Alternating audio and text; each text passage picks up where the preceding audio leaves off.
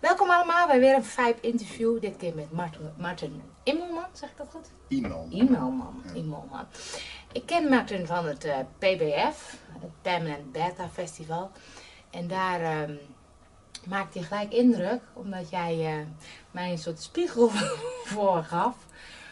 Om eh, toch eens een workshop te doen die net iets meer buiten mijn comfortzone zat. En toen hadden we een heel leuk gesprek. En toen bleek ook nog dat jij een heel inspirerende baan of werk doet. Dus ik zei, wil je eens een keertje met mij praten over VIBE. VIBE staat voor verbinding, inspiratie, beleving en energie. Dus allereerst wil ik gewoon vertellen eens wie je bent en wat je dan doet. Wie ben ik? Ja, dat is, dat is een goede vraag. Ja. Ik, ja, ik kreeg die vraag eerder al een keer voorgeschoteld van Engbe Breuker. En toen begon ik mijn cv op te lezen. Ja, En toen zei hij inderdaad aan het eind van, nou, dat is heel interessant, dat is dus wat je doet, maar wie ben je nou ja eigenlijk? dat is de moeilijkste vraag. Ja, klopt. Dus eh, sindsdien, eh, eh, als ik inderdaad in een rondje ondernemers, want ik zet ondernemers in groepen bij elkaar, ook deze vraag stel, dan Ja. neem ik zelf vaak het, het voortouw door inderdaad te vertellen wie ik ben. En dan vertel ik gewoon dat ik, dat ik dus Martin Immelman ben, getrouwd, eh, twee kinderen. En eh, eh, dat ik soms wat dominant kan overkomen en dat ik een beetje een recalcitrant figuur ben. Ik kan ook provocatief zijn. Dat laatste is alleen maar goed bedoeld om Ja, die voelde ik, die voelde ik toen. Dat heb ik een beetje, beetje op jou toepast, denk Ja, ik. Het zeker. provocatieve. Dus, dus, maar ja, ik ben, ik ben, ook, ik ben ook behoorlijk energiek. Ik, ik hou ook van, van sporten, dus er, er zit een stootenergie in mij die ik kwijt Ja. moet. En eh, zo ook in mijn werk. Dus eh, ik, ik kan ook wel, wel, wel stellig zijn. Maar ik moet nog positieve eigenschappen noemen natuurlijk. Hè? Nou, ik vind het, eh, die energie vind ik wel, die vind ik wel positief. Ja, oké, dank je. Dus heb je nou een beetje een indruk van Ja. wie ik ben? Ja. En wat doe je? Dat is dan de volgende Dat is dan de volgende. Ehm, ik, ben, ik, ben, ik wil heel graag het MKB, de ondernemers, empoweren. Zichzelf ontwikkelen. En, en, en, en ik wil heel graag de kansen en mogelijkheden die er liggen in een toekomstbestendige economie, dat ze die grijpen en verzilveren. Want er, liggen zoveel kansen en mogelijkheden. En dat is in feite wat ik doe. Ik probeer gewoon met een online platform offline activiteiten te organiseren. Mhm. Eh, om het MKB zich door te laten ontwikkelen. Maar dat klinkt voor mij nog een beetje vaag. Ja, kan me voorstellen. Dus leg eens uit, wat, wat vind je dan belangrijk? Wat moeten ondernemers meer doen of wat moeten ze juist niet doen? Nou, het allerbelangrijkste zou ik vinden dat ze eh, eh, iets meer visie zouden tonen. Een heleboel ondernemers zijn eh, bezig met de waan van de dag. En zeker gezien de crisis van de afgelopen tijd is Ja. ook wel voorstelbaar. Ja. Maar ze zouden, ja, ik zou toch wel heel graag willen dat ze, dat ze, dat ze iets verder vooruit gingen kijken. Het liefst minimaal vijf jaar, bij voorkeur zelfs tien jaar verder vooruit kijken. Van wat, wat wil ik met mijn bedrijf over tien jaar bereikt hebben? Wat is er voor nodig om dat te bereiken?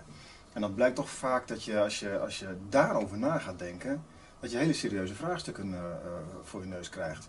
Het ontwikkelen van een visie, dat vind ik het belangrijkste. Dat, dat, dat, daar zouden ondernemers mee moeten beginnen. En dan, waar, waar moet die visie volgens jou aan voldoen? Of wat is daarin belangrijk? Of waarin zeg je, nou daar laten kansen liggen? Ik vind dat eigenlijk een heel belangrijk aspect eh, moet zijn dat ze nadenken over de continuïteit. Dus niet eens zozeer dat ze over tien jaar nog bestaan, maar dat ze dus op dat moment een positie hebben waardoor ze nog weer eens een keer tien jaar zouden Ja. kunnen bestaan. Ja. Eh, natuurlijk zijn er uitzonderingen. Er zijn ondernemers die gewoon heel duidelijk willen cashen in een bepaalde periode. En eh, dat mag ook, maar dat cashen willen ze vaak ook door vervolgens het bedrijf te verkopen. Ja. Dus er moet er toch iets staan wat toekomstbestendig is, wat, wat, Ja. wat bestaansrecht heeft, wat levensvatbaar is. Eh, dus continuïteit vind ik een erg belangrijk Ja. aspect wat in, in, in een visie moet voort, de- de- de- ja, voorkomen. Want je bent eigenaar van Duursom, mede-eigenaar. Ja, mede-eigenaar. Wat doen jullie met Duursom? Het duurzaam staat voor de duurzame ontwikkelingsmaatschappij Ja. en dan ook in de letterlijke zin van het woord. Dus wat ik net al zei, ik vind dat de ondernemers eh, eh, zich veel verder kunnen doorontwikkelen dan ze nu eh, doen. En dat is wat wij beogen, dat ze zich ontwikkelen Ja. en, en daarmee toekomstbestendig worden. En dan ben ik altijd benieuwd, hè, van ehm, eh, ik ben bezig met wat is mijn passie, hoe vind ik mijn pad, welke stap ga ik nemen. Ehm, kun je terugkijken, ik neem aan dat toen je een klein jongetje was, dat je niet dacht ik ga duurzaam beginnen. maar hoe komt het nu dat je op dit pad terecht bent? Wat, wat triggert je zo hierin? Ja, nou dat is eigenlijk eh, betrekkelijk eenvoudig. Eh, mijn moeder die had een biologische winkel. Dus duurzaamheid is mij letterlijk met de paplepel ingegoten. Ja, Eh, daar krijg ik heel veel van mee. Ik heb Ja. daar ook geholpen in die winkel. En ehm, ze was ook nog eens een keer eh, lid van Milieudefensie. Dus eh, toen ik 18, 19, 20 was, had ik zoiets van auto's moeten de wereld uit. Het zijn de meest vervuilende apparaten die Ja. we hebben voortgebracht.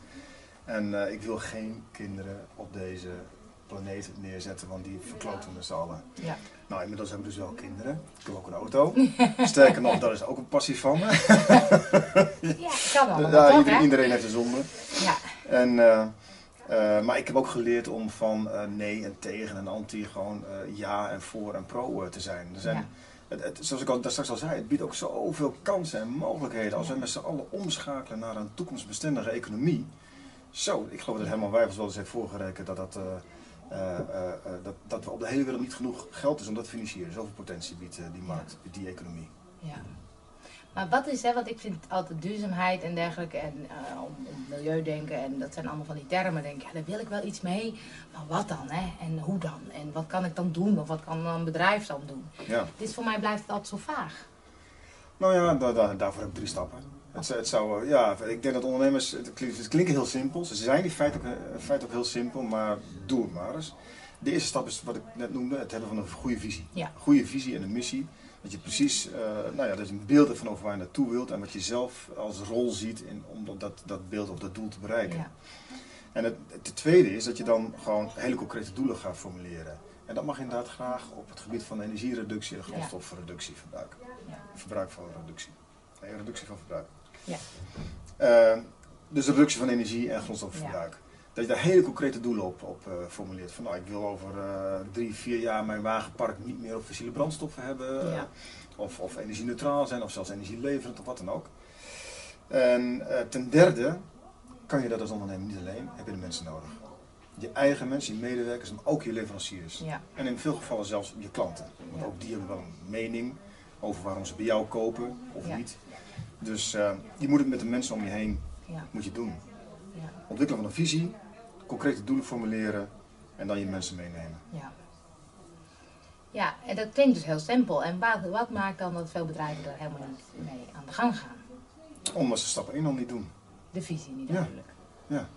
En, en eh, de- net zei ik al, hè, de, de meeste bedrijven, zeker met deze crisis eh, eh, achter onze rug, voor sommigen geldt die nog steeds, ja, die zijn inderdaad bezig met, met het, het overleven en, en- Ja. en de waan van de dag. Ja. Terwijl helaas onderzoeken uit de, de vorige crisis al hebben Ja. opgeleverd en geleerd dat bedrijven die wel degelijk met een visie en een missie bezig waren in tijden van crisis, Ja, beter uit de crisis kwamen dan die bedrijven die alleen maar eh, het overleven. niet aan het loven- overleven waren en naar de waan van de dag leefden. Ja. Ja. ja, dat is mooi dat dat dus wel essentieel is, maar toch inderdaad is het logisch door de waan van de dag. Of weet je, het is ook een soort, die noodzaak is niet zo duidelijk. Terwijl ik denk, ja, ik, ik zie hem wel de noodzaak, want we zijn inderdaad wat je zegt, het aan het verkloten allemaal. Maar voor bedrijven, ja, hier en nu is er nog niet zoveel problemen. Zijn er nog niet zoveel nee, problemen. Nee, Dus klopt. hoe krijg, ik dat, hoe krijg je dan ondernemers wel tot die stap dat ze wel iets... Ja, nou ja, ik heb al verschillende mensen horen zeggen, er moet gewoon, eh, de situatie moet nog vele malen erger worden voordat men in beweging Ja. komt. En eh, dat zou ik wel heel erg betreuren als we daar moeten wachten. Dus, Ja. dus de, eh, wat is nodig om het wel voor elkaar te krijgen? Ja, toch een stukje bewustwording. Ja. Ehm, eh, een stukje zending bijna misschien wel. Persoonlijk vind ik dat andere organisaties daar al voor in het leven geroepen zijn, zoals MVO Nederland. ja. En die doet het ook goed. Eh daar moeten ze ook vooral mee doorgaan. Gewoon zoveel mogelijk ondernemers proberen te bereiken en, ze, en, en hun bewust maken van de noodzaak, maar Ja. ook de kansen ja, van precies. verduurzamen. Ja. Ja. En als ze dan eenmaal gemotiveerd zijn om ermee aan de slag te gaan, ja, dan, dan, dan vinden ze ons wel. Ja, dat is een stap verder. Ja. En als je dan kijkt, zo als particulier, als, eh, even, neem mij, wat zou ik kunnen doen om, om duurzamer te worden? Buiten de gewone tips van meer vegetarisch, denk ik dan, en biologisch. En... Nou ja, die gewone tips zijn al heel belangrijk, Ja. want die zijn niet voor iedereen vanzelfsprekend. Nee, dat is waar. Ik bedoel, Ja. het is wel eens uitgerekend dat als wij met z'n allen in Nederland één dag per week minder vlees zouden eten, Ja. dat we dan zoveel CO2-reductie besparen als de uitstoot van 1 miljoen auto's. Echt waar. Ja. Zullen we Dus dat het- dan nu gaan doen met z'n allen? Nu een soort oproep? Ik- Eén ja, dag minder vlees. Dat is toch dag per week heel minder simpel. vlees. Ja. Ik ben inderdaad minder vlees gaan eten. Dus ik, eh, Dus jij draagt ik, bij. Ik, draag bij, maar Ik wilde nog wel een dag minder uh, lezen. Nou kijk, er zijn voor, voor particulieren, je kunt een aantal dingen doen. Je kunt, het, het, hele, het meest concrete is even kijken op de website van Urgenda. En, dan moet je even doorzoeken hoor, dat wel. En dan moet je vooral zoeken naar rapport 2030. Het kan als je het wil. Uh, want in dat rapport uh, achterin staat een, een, een, actielijstje met 30 punten voor de particulieren.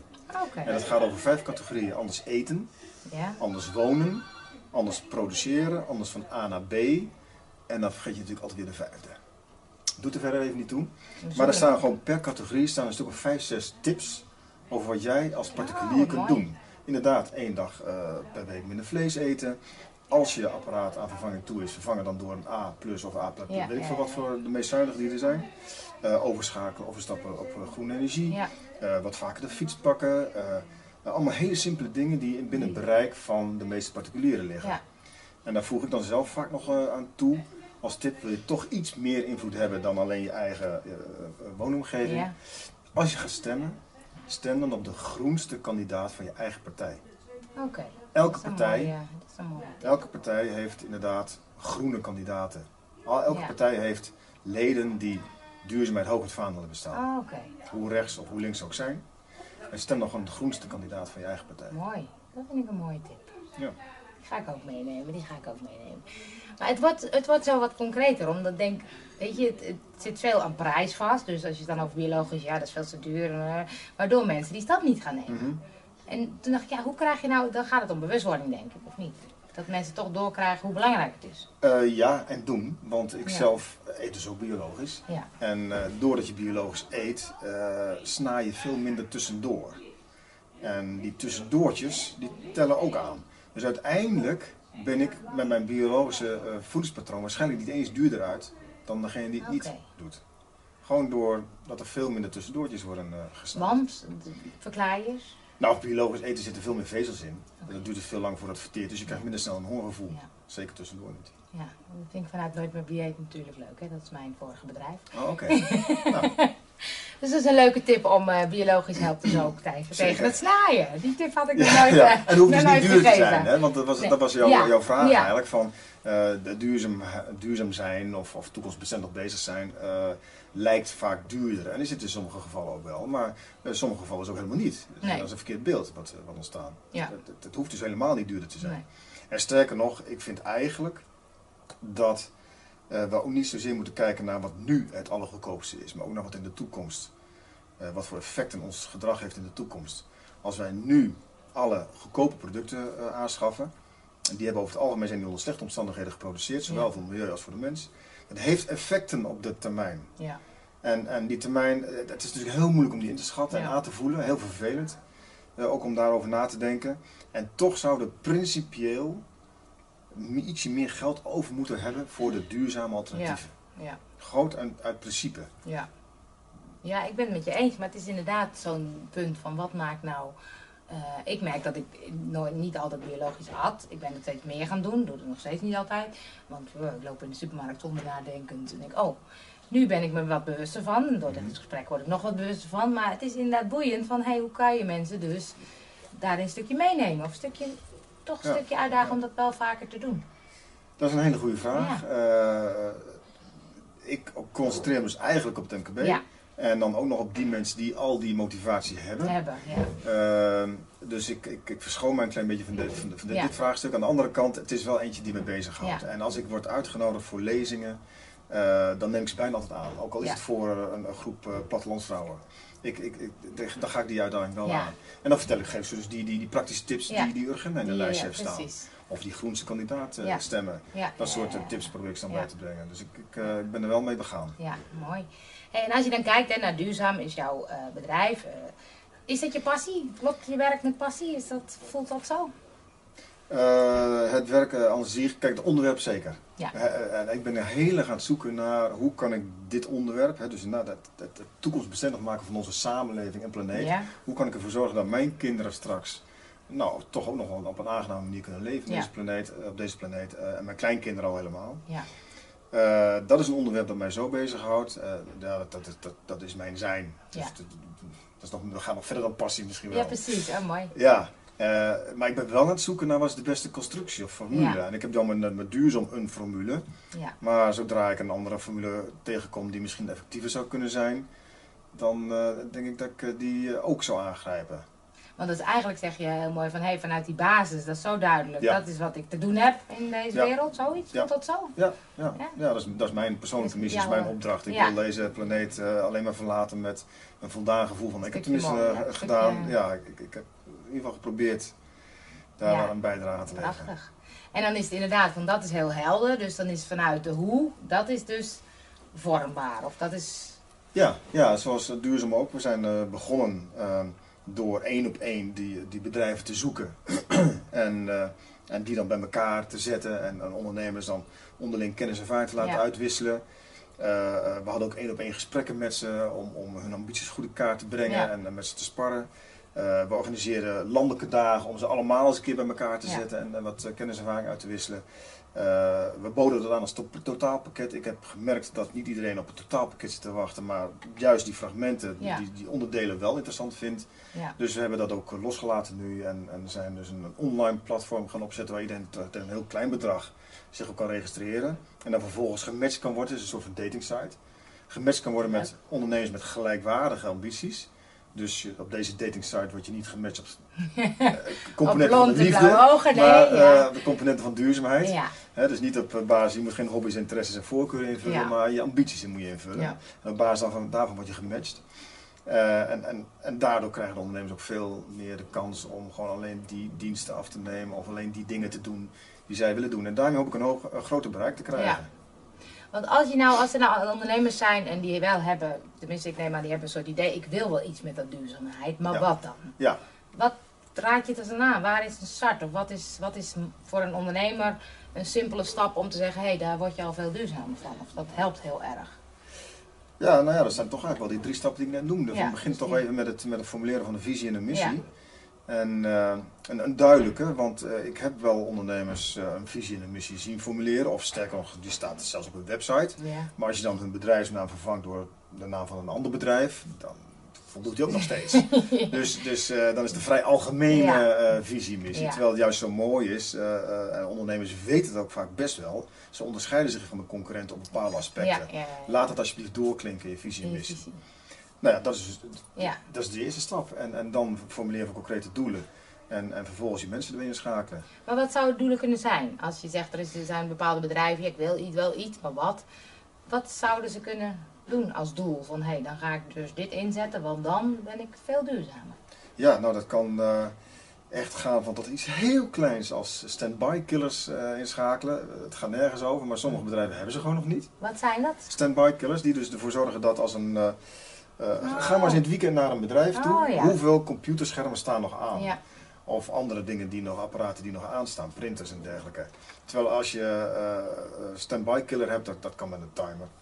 Dat ze na een uur lang niet gebruikt te zijn uit zichzelf uitschakelen. ja. Oh. Of dat je met één knop van de schakelaar alle apparaten in één keer uit kunt zetten. Dus dat kan de laatste die het pand verlaat, kan dat dan doen. Eh, dat soort simpele dingen, da- daar Ja. kan het wel mee beginnen. Ik bedoel, eh, ja, maar dat vind ik leuke dingen, omdat ik denk, dat is heel praktisch, Ja. heel logisch. En dat Ja. zien mensen ook, oh, dat gebeurt bij mij ook, ja. Ja. In het bedrijf. Ja. Ja, Nou, de bekende dingen, dat doen de meesten al gelukkig, is, is dubbelzijdig printen of oud papier opvangen, en dat soort dingen. Of minder printen. ja. Eh, überhaupt digitaliseren. Papierloos werken. Papierloos werken, Ja. ja. Ja, Dus er zijn, er zijn allemaal hele kleine stapjes, Ja. laag aan het fruit. ja, Eh, natuurlijk moet je daarna gaan kijken naar je energieverbruik, Ja. eh, grondstoffenverbruik. En dat laatste is ook zeker voor producerende bedrijven voor de toekomst enorm belangrijk.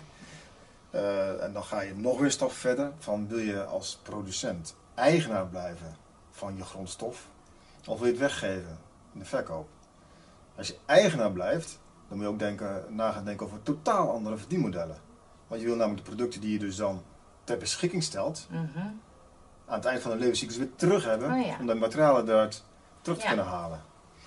Dat is volgens mij wat ook met eh, eh, zo'n do- documentaire van tegenlicht met Philips. Dat Philips geen Ja, lampen levert, klopt. maar licht. Ja, dat klopt. Ook een heel dat was- mooi dat was- voorbeeld. ja, dat het turn-to-principe. Ja. Bedacht door Thomas Rauw, architect. Die was in die tegenlichtuitzending. Dat eh, Philips inderdaad eh lichturen levert. Je Ja. kunt dus lichturen afnemen. En de armaturen, plus de, de, de peertjes en dergelijke, die bleven van Van Philips zelf. Philips zelfs. En dan Ja. eh, houden, blijven zij dus in bezit van hun eigen grondstoffen. Ja, En daardoor worden ze ook gestimuleerd om eh, verlichting te maken die niet zo snel kapot gaat. ja precies. Want die 1000 branduren of 1500 Ja. branduren die op doosjes staan, man, ze, kunnen, ze kunnen peertjes maken die, die miljoen Ja, dat branduren. vond ik, echt, dat vond ik zo bizar dat Ja. ze dat gewoon hebben aangepast. Omdat dan de verkoop omhoog gaat. Ja, Toch? Ja. Dat was, ja, bizar. Ja. Maar dat is wel mooi, want het is een hele andere manier van denken dus. Een absoluut. Het is, het is een hele interessante manier, Ja. een toekomstbestendige manier. Een, een, een, een wasmachinefabrikant die dus een, een wasmachine aan jou levert, jij neemt wasuren af. En, die wasmachine, en deze wasmachine, ik- durf te wedden, die draait 20 jaar bij jou zonder Ja. kapot te gaan. Ja, Dat kunnen ze maken. Ze kunnen hele ja, eh, eh, betrouwbare wasmachines maken. Maar goed, het mooie is dat de fabrikant dus ook gewoon in, in bezit blijft van zijn eigen eh, Ja. grondstoffen. En dus waarschijnlijk gaat hij die wasmachine ook heel modulair opbouwen. Dus Ja. heel makkelijk demontabel, Ja, dat soort dingen. Die kitten en lijmen. En dat, dat, eh, dus dat, eh, want ook die was volgens mij, was bij die uitzending dat ze daar ook een soort van bewust zeggen, dat gaat dus drie jaar mee of vijf jaar mee. eh, ja, we zitten in, een- Ja. in, een, in een consumptiemaatschappij eh, met, met lopende bandproducties die eh, erop eh, ja, eh, gestoeld zijn om zoveel mogelijk te produceren Ja. en dus ook af te zetten. En als Ja. die afzet stokt omdat jij een te degelijk product maakt, Ja, dan moet dat product maar iets minder degelijk ja gemaakt worden. precies. Er zitten een beetje perverse prikkels in ons huidige systeem. Het is eigenlijk bizar, maar daar valt dus heel veel te winnen. Ja, maar dat is ook een ontzettend moeilijke. Ja. Het is ontzettend moeilijk om, om eh, dit systeem Ja, om te buigen. Dan heb je een paar grote fabrikanten Ja. als Philips, als Bosch, als Miele, als, Ja. als, als eh, Interface en Desso, die met de Ja. tapijten ook iets soortgelijks doen. Ja. Heb je dan nodig om Ja. het eh, systeem te, te kantelen, Ja. zoals Jan Rommel zegt. Maar dit zijn wel de onderwerpen waar je blij van wordt. Ja, dat is toch boeiend. Dat is toch uitermate interessant. Het biedt er zoveel kansen en mogelijkheden. Stel, je bent die ondernemer die zoiets ziet, die iets doorkrijgt van, oh, als ik het op die manier doe, dan is hij de eerste. Ja. En, en, en laat hij de tweede zijn en pakt hij het zo op samen met zijn concollega. Dan zijn ze met z'n tweeën de eerste. Zoals, zoals Tesla zijn kennis deelt met BMW. Omdat hij weet dat hij in zijn eentje nooit die markt, Nee. markt van de auto's helemaal kan elektrificeren. Ja. Hij heeft de andere partijen voor nodig, dus hij deelt zijn kennis. Ja. Dat, zijn, dat, zijn zoveel, dat biedt zoveel potentie. Leuk om je daar zo gepassioneerd over te horen praten. Maar Ja, het kan soms ook frustreren, of niet? ja als Omdat- ik inderdaad... Jij denkt zo weer- ook de andere kant, denk ik. Klopt, want een Ja. heleboel ondernemers eh, zien het nog niet. Ja, Nee. klinkt een beetje arrogant Nee, ja, maar die zien het nog nee, niet. dat klopt wel. En die gaan gewoon door met de dagelijkse gang van zaken Ja. en, en overleven. En ook heel begrijpelijk, maar Ja. toch. eh, daarom zeg ik, begin alsjeblieft met het, met het. Ga eens een keer op een zondagmiddag voor zitten. Gewoon, wat is mijn visie? Welke kant Ja. denk ik dat het opgaat? En Ja. wat zou mijn rol erin zijn? Ja. En eh, nogmaals, die drie stappen die ik net noemde: hè, visie, eh, doelen en, en mensen. ehm, eh, klinken heel makkelijk. Ja. Eh, maar ik weet in de praktijk dat het best wel veel eh bloed, zweet en tranen Ja. kost om dat eh, te goed te doen. Maar goed, dat is, daarvoor zijn dus de, de ondernemers op het online Ja. platform van Duursom. Ja. Er staan ook heel veel ZZP'ers tussen die, die daarbij kunnen ondersteunen. ja, precies. Zoals ik zei de gek. Ja. Dus, Ja, leuk. Hey, en als we dan even kijken, want je zei, ik, je, je persoonlijke passie, zegt, ik sport graag. ja. Waar haal jij nog meer je vuur uit, behalve dit? Want dit zie ik wel, dat daar vuur is dit. Nou, maar, eh, ja, vuur, vuur uit. Vuur, Eh, bevrediging. inspiratie, hoe blijf je zo... Ja. Nou, tijdens het sporten doe ik de meeste inspiratie op. Ja? Ja, En wat voor sport? Eh, roeien is mijn sport nummer 1. Dat vind ik het, eh, het mooiste wat er is. En daarna schaatsen en skileren. Ja? Ja, vind ik erg leuk. En fietsen ben ik ook gek op. Hardlopen doe ik ook nog wel een beetje. Allemaal individuele sporten. Nee, roeien niet. Oh nee, dat kan ook, eh, zeker in een teamverband. Ja, de rest wel, dat klopt. En dat is een praktische reden. Hoewel schaatsen ook gewoon echt een mooie beweging is. Maar Ja. fietsen en hardlopen is dan gewoon praktisch. Dat je het gewoon even alleen kunt doen. Ja. En roeien kan gelukkig ook alleen. Ja. Maar dat doe ik ook in teamverband. En heb je dat nodig? Ja. Sporten? Ja. Want? Nou, om, om bijvoorbeeld om inspiratie op te doen. Ja. Maar ook om tot rust te komen. En Ja. alles weer in balans te brengen. Want eh, met dit onderwerp kun je dag en nacht bezig zijn. Echt dag Maar is dat ook een valkuil van je, omdat je zo gepassioneerd hiermee bezig bent, dat je denkt, Ja. ik ga voem? Ja, ja, Ja? absoluut. Ja, dus ik moet ook, moet ook om die reden gewoon af en toe sporten. En dan ga ik naar buiten toe. Ik ga niet naar de sportschool. Met een koptelefoontje op. Nee, ik ga naar buiten toe zonder koptelefoon. Ik wil gewoon echt eh, dan even één zijn met de natuur. En merk je dat ook, dat dat op een gegeven moment nodig is, of zit het gewoon in je systeem? Nee, nee, dat is nodig. Dat is, dat is, dat is nodig. Als ik het verwaarloos, doordat ik het toch weer te druk heb en mij laat verleiden tot, eh, ja, met, tot de dagelijkse gang van zaken daar goed mee bezig te zijn, eh, dan merk ik gewoon dat ik kriebelig word. Eh, Ja. ik, ik heb die sport nodig. Ja. Ja. Herkenbaar hoor, dat heb ik ook al. maar hoe merk je dat bijvoorbeeld inderdaad, zegt, nou dat wordt op een gegeven moment veel, dan merk het moet naar buiten. Eh, maar ook werktechnisch of misschien bepaalde keuzes die je maakt. Hoe voel je je nou van dit zijn de juiste keuzes? Of is het gewoon doen en ervaren? Nou, dat is een hele goeie. Dat is een hele goeie. ik. Ja, ja, want je zegt terecht, hoe voel je nou wat de juiste keuzes zijn? Ik ehm, ben van oorsprong vrij rationeel ingesteld. En eh, ik leer naarmate ik ouder word telkens meer om op een gevoel af te gaan. En nog zit ik heel erg te zoeken naar. eh, ik heb, maak toch nog vaak genoeg mee dat ik rationeel gewoon ergens mee eh, aan de slag ging. Maar voelde ergens niet goed, maar ik kon de vinger er niet op leggen. Ja. Ik wist niet wat het was. En dan loopt het toch verkeerd af. Ja. En dan zie je wat het gevoel was goed. Ja, ja, ja, ja, ja. Alleen ik kon het niet benoemen, ik, ik wist niet waar het lag, ik wist niet waar het zat. Maar het gevoel klopte. Dus ik, moet, ik moet meer naar mijn gevoel luisteren. ja, ja, ja. En, maar dat is best lastig. Ja. Want zeker als je dan rationeel er niks tegen in te brengen hebt. Ja, maar het voelt niet goed. Ja. Ja, dat is een heel slechte argument Ja. ergens niet aan te Denken beginnen. mensen, ja, dat zal. Maar he- dat vind ik heel herkenbaar. Omdat ik denk, vaak heb je wel zo'n gevoel van, nou ja, ik weet het niet, maar ja, het ziet er eigenlijk prima uit, dus laat maar doen. Ja, ja. En, en laat ik ook maar eens een keer, dat gevoel kan natuurlijk ook voortkomen uit een soort van risicomijdend gedrag. Ja, Dat je denkt van ja, eh, zou dat, eh, komt dat gevoel nou voort uit Ja. een soort van onrust, ja, onwetendheid, spanning, van eh, Ja. gaat het wel goed? ja. Als dat zo is, ja, dan moet je daar juist even overheen stappen om het te doen, anders Ja. kom je nooit aan veranderen, een verandering toe. Dus het is heel lastig Ja, om ja, ja, ja, ja. goed te analyseren wat gevoel, voor gevoel er nou je zegt eigenlijk van, ik probeer meer naar mijn gevoel te luisteren. Hoe doe je dat? Ja, ja, dat vind ik boeiend. ja, ja, ja dat, is, dat, is, dat is meer afdalen, hè? Ja. Je onder, je onderbuik. Maar is dat ook met sporten of zeg je, ik ga ook wel eens even zitten of mediteren of met iemand praten? Of... Want als het onderbuikgevoel er nu is, merk je het eerder op? Of... Eh, ik, ik ga er nooit echt bewust voor zitten of zo. Het is meestal dat je gaandeweg een proces Ja. iets voelt opkomen, iets van een weerstand van hé, hey, dit, dit, dit- hier Ja. klopt iets niet, maar ik weet niet precies wat. Ja, Eh, dat vindt vaak plaats tijdens het proces. ja, Niet dat, dat ik daar eh, nou, aan het eind van de werkdag eventjes een kwartier voor ga zitten van nou, wat heb ik nou vandaag meegemaakt, wat voel ik daarbij? Zo, nee, zo werkt dat Nee. niet. Dan, dan, dan moet je het oproepen of zo, terwijl het meestal op dat moment plaatsvindt. Dus heel goed leren luisteren naar de gevoelens die opkomen op dat moment. op dat moment, ja. Ja. En die dus ook serieus nemen. Ja, en misschien zelfs ook wel Ja. uiten. Ja, Dus toch zeggen van joh, we zitten allemaal leuk te praten, maar ik heb toch een beetje een onbestemd gevoel. Ik weet niet waar het vandaan komt. ja, Maar hoe zit het bij jou? ja, precies. Ja. Va- Vaak hebben die anderen dat misschien ook wel. Of, Ja, best Ja. kans op. ja. Want je zegt ook, het kan ook, dat vind ik dan wel leuk, vanuit die angst komen van oh, risicomijdend. Of, eh, Ja. eh, trek jij jezelf dan uit je comfortzone? Doe jij dingen waarvan je denkt, spannend, maar ik doe het toch, want? Of ben je wel een beetje van, eh, Ja, dat dat is ook een, eh, leuke. Ik, ehm, ik ben dus gek op schaatsen. mhm, En ehm, zodra het eh, twee nachten gevroren heeft, nou, dan, dan ben ik al het ijs aan het expecteren. en als het, als het eh, 2,5, 3 centimeter dik is, dan ga ik erop. Echt? Ja, en ik ben ook meestal de eerste die op natuurijs staat. Eh, ik vind het fantastisch. En ik vind het, ik vind het zo mooi om over maagdelijk ijs eh, van zo'n meer eh, te schaatsen. Dus ik, ik kan het ook gewoon niet laten. Ik doe dat gewoon. Ehm, mensen verklaren mij voor gek en zeggen dus inderdaad van jeetje, wat een risico neem jij. Ja. Terwijl ik zelf dat gevoel totaal niet heb. Ik, ik, ik, ik neem geen risico. Integendeel, ik ga nooit alleen. Oké, Eh, als we met z'n tweeën gaan heb ik een touw om mijn middel. Ik heb van die pikhaakjes bij me. oké. Eh, ik verken het ijs eerst meter voor meter. En, en dat, dat markeer ik ook, zodat ik mijn eigen spoor terug kan vinden. Ah, oké. Eh, dus ik vind dat ik geen risico's neem. Ja. Terwijl de buitenwereld vindt dat ik hele grote risico's Ja. neem. Dus om dan weer terug te komen op jouw vraag.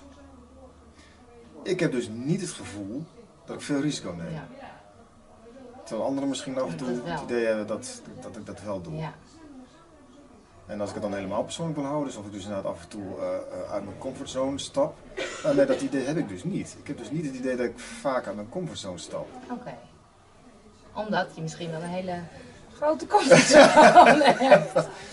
Ja, dat zou kunnen, ja. Ja, dat ik me, dat ik in vrij veel situaties wel redelijk comfortabel voel. Ja, misschien wel. Ja, want eventjes nog, want dat wil ik natuurlijk weten. Ben je wel eens door het ijs gezakt? Eén keer, maar dat is stom voor woorden. Ja. Ja, dat was op een on- ondergelopen weiland. Oh echt? ja. Nou, juist omdat het een ondergelopen weiland was, dacht ik van ja, ik, hier ga ik gewoon overheen Ja, schaatsen. precies. Het ijs is niet meter voor meter Nee. verkend. Maar eh, twee weilanden waren aan elkaar verbonden met een mooie ijslaag. En daartussenin lag een sloot en dat was wat dieper en was thuis wat dunner. Oh, dus daar eh, ging je. daar ging ik. Eh, maar ook dat heeft mij een hoop geleerd. Ja? Ja, dat, daar heb ik dingen geleerd over hoe je uit het wak kunt komen Oh, zonder ja. hulp. Eh, die ik aan andere mensen later heb kunnen meegeven. Ja, want ik heb, ik heb nogal wat mensen uit, wa- uit het ijs moeten Ja? Ja, ja, ja. En geef eens de beste tip voor het geval het mij een keer gebeurt. Wat doe je als je Nou, niet... de, de beste zijn meerdere goede tips. Altijd teruggaan naar de plek waar je vandaan kwam. Want een heleboel mensen die, die, die, die, die zakken als schaatsen door het ijs. En gaan daarna voorwaarts. Maar je weet niet of het daar sterker is. Terwijl daar waar je vandaan kwam, is het niet sterk genoeg. Dus altijd omdraaien, teruggaan naar waar je Oh, en daar je omhoog. En daar probeer je eruit te komen. En dat, als je je schaatsen aan hebt, kan dat het beste door eh, je, je voet met schaats op het ijs te zwaaien. En dan kun je dus Oh, met, je scha met je schaats heb je dan grip op het ijs. Want je, met, je, met je Oh, natte handen het glijdt het altijd weer af.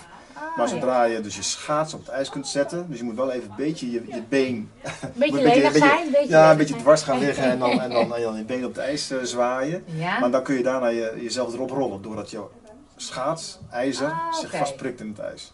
Dat vind ik een goede tip. Dat vind ik een goede Ja, tenminste, ik heb op die manier al een paar keer mensen eruit Ja? gecoacht. Jeetje, jeetje.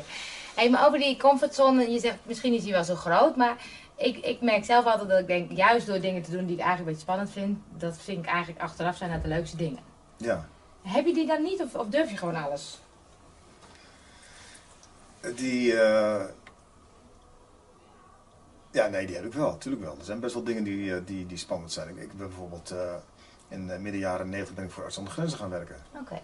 En ja, daar moet je wel een hele grote drempel over hoor. Sterker nog, ik werd eh, gestationeerd in Bosnië en dat was destijds het gevaarlijkste project dat er was. Dus eh, nu is dat eh, een heel, heel lief projectje vergeleken met wat er nu is. Maar Ja. destijds was het een heel risicovol project. Ja. En nou, dan stap je behoorlijk uit je comfortzone Ja. hoor. En wat maakt dat je dat dan toch doet? Ik heb wel eens gezegd een soort van onschuld, bijna kinderlijke onschuld. Zo van ja, ik kom er alleen maar goed doen, dus waarom zouden ze mij iets aan Oh ja, En nou, tegenwoordig is het dus niet meer zo dat vanzelfsprekend. zeg ik al, ook een beetje naïef zijn. Ja, nou, dat, daarom zeg ik het ook kinderlijke Ja, onschuld. ja. Eh, en, en zeker tegenwoordig, tegenwoordig ja, maakt het echt niet meer uit of je Nee. hulpverlener bent of niet. In die tijd was er nog wel respect Ja, voor. Had je inderdaad iets neutraals. En dat benadrukte ik ook elke keer als, als ik in gesprek was met de, met de lokale warlords. Dat wij neutraal waren, dat we alle partijen hielpen zonder onderscheid. En, en die neutraliteit, eh, ja, maar die geeft je ook het zelfvertrouwen om het te doen. Ja. Want hoe nam je die keuze om daar te gaan werken? Want dat is toch wel iets extreems eigenlijk.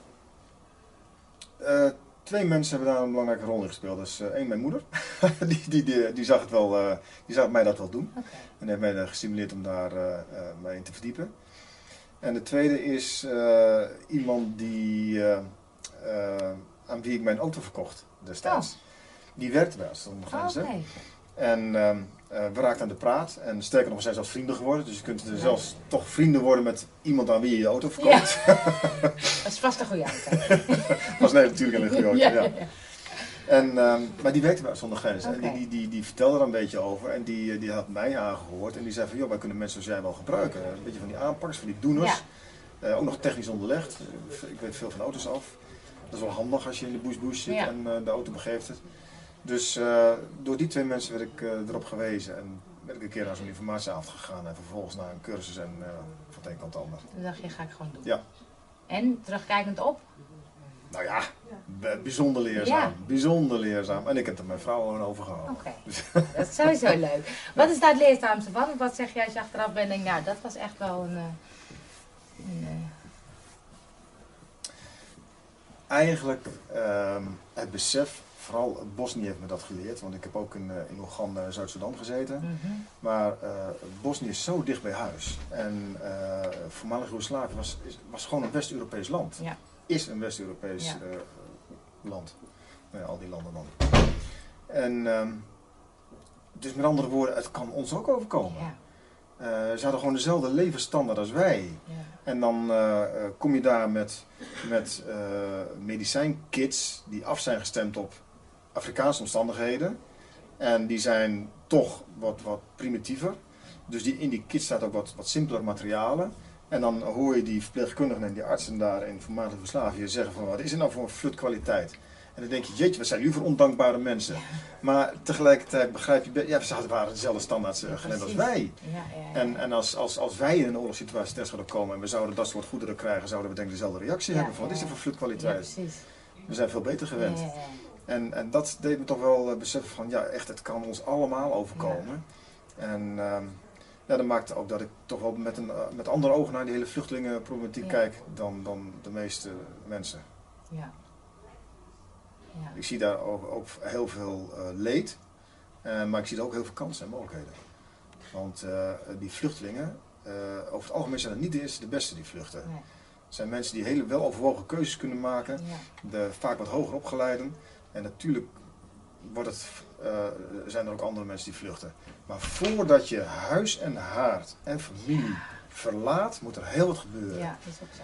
Ik, ik, ik stel die vraag wel eens aan mensen. Van, stel je voor, in wat voor situatie zou jij jouw huis, jouw omgeving, jouw vrienden, jouw familie verlaten om in de hoop dat het ergens anders beter is? Ja, precies. Ja. Dan moet er toch heel wat Dat gebeuren? heel heftig zijn, ja. Ja.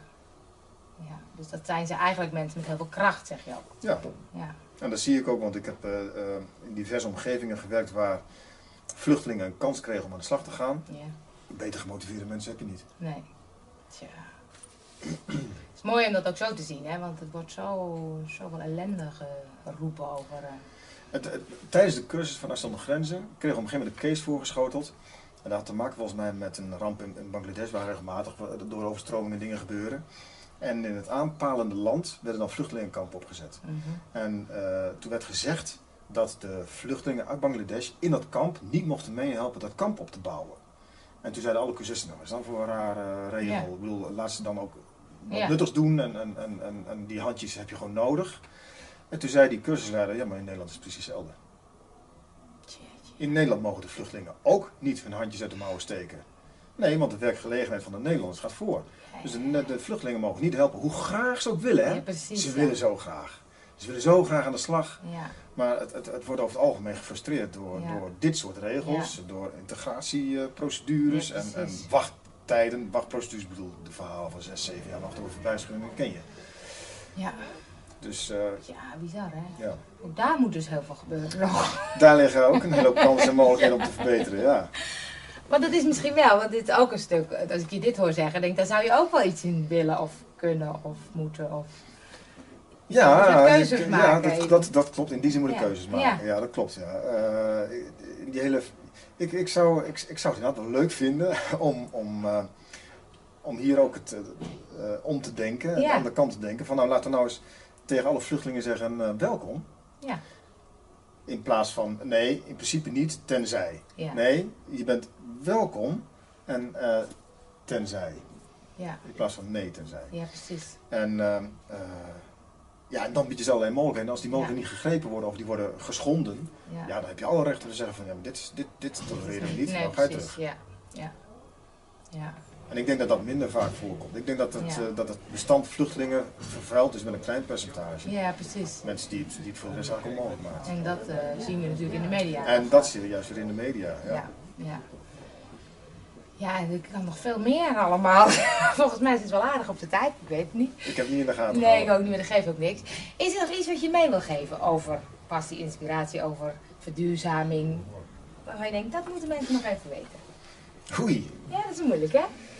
ja, daar overval me ook een beetje ja, mee. ik weet het Eh, niet. Misschien heb je alles ook wel gezegd. Maar eh, Ja, nou ja, kijk. ehm, ik zelf neem de natuur altijd als uitgangspunt, als referentie. Als ik dingen niet begrijp, eh, dan probeer ik altijd naar de natuur te kijken. Van hoe zou die het oplossen? Ehm, en, en dat vind ik over het algemeen erg verhelderend. De natuur is een, is een prachtig systeem wat zichzelf al miljoenen, Ja. miljarden jaren in stand houdt. Eh, volkomen gesloten systeem, gesloten kringloop. En wij mensen zijn in staat om dat te verstoren. Terwijl we juist de meest intelligente wezens zijn ja, op deze planeet. ja, Dus je zou verwachten dat wij eh, dat hele kringloopsysteem optimaal zouden moeten kunnen benutten. ja, Ehm, en en ja, nogmaals, als ik iets niet goed begrijp eh, of, of iets eh, ja, nou probeer te begrijpen, dan kijk ik vaak naar de natuur als referentie. En ik zou eigenlijk wensen dat meer mensen dat doen. Dat ze gewoon als, eh, zichzelf eens afvragen, waar zijn we nu eigenlijk met z'n allen mee bezig? En hoe zou de natuur dat doen? En kun je een voorbeeld geven over iets waarbij je denkt, oh ja, dat, dat doet de natuur heel anders. Of dat zouden mensen wat meer moeten zien. Nou, alleen al het eh, heen en weer slepen van grondstoffen en materialen over de hele wereld. Ik bedoel, Ja, eh, de- de- de- meestal is het in de- in de natuur een vrij lokaal gebeuren. ja, En eh, ehm, dat neemt niet weg hoor, dat, dat, ik, dat ik het pleidooi hou voor, voor van we moeten helemaal terug naar lokale gemeenschappen en, en dergelijke. En, en die hele globalisering maar vergeten. Nee, we kunnen juist ontzettend veel leren van elkaar. ja, Eh, maar het is wel goed om eens een keer st- stil te staan bij van, kan ik het ook lokaal oplossen of kan ik het ook regionaal oplossen? ja, Eh, moet ik nou per se eh marmer uit Italië hebben of, of Ja. leisteen uit China of, of puimsteen uit, uit, uit IJsland? Het, het was vroeger juist zo mooi dat je eh, Friese boerderijen goed kon herkennen aan, een- aan, aan de manier waarop ze gebouwd waren, Overijsselse boerderijen en wat dan ook, door de lokale grondstoffen die werden gebruikt. ja, Ehm, eh, ook, ook dit is niet een, een pleidooi we moeten terug naar vroeger. nee, Maar ik citeer hierbij heel graag eh, Jan Robmans, die zegt we moeten vooruit naar vroeger. vooruit naar vroeger. We kunnen ontzettend veel leren van hoe we het vroeger aanpakten. Ja, Daar kunnen we heel veel van leren en kunnen we toepassen voor onze van toekomst. Ja. Mooi. Dus eten uit de seizoenen volgens de seizoenen. Nou, bijvoorbeeld, ja, nou, dat is dan bijvoorbeeld Ja. een, een, Ja. een goed ding. Ja. Ja, ja, mooi. Ik vond het super inspirerend, hè, Martin. En ik vond het leuk om mijn verhaal te kunnen vertellen. Nou, waar kunnen mensen jou vinden als ze denken, goh, daar wil ik meer over weten? Eh, nou ja, als ze duursom eh, googelen, hè, de de afkorting van duurzame ontwikkelingsmaatschappij, eh, dan Oké. komen ze wel bij mij terecht. Ja. En anders eh, mijn LinkedIn profiel, Martin E-mailman. Daar staan mijn naam en telefoonnummer en een e-mailadres ook op. Dus eh, dan kunnen ze mij altijd eh, Ik zal, bereiken. eh, ik zal ze ook met de- 1 N. Ja, precies, precies. ik zal ze onder de blog zetten van deze video Oké. ook. Dankjewel. Graag gedaan.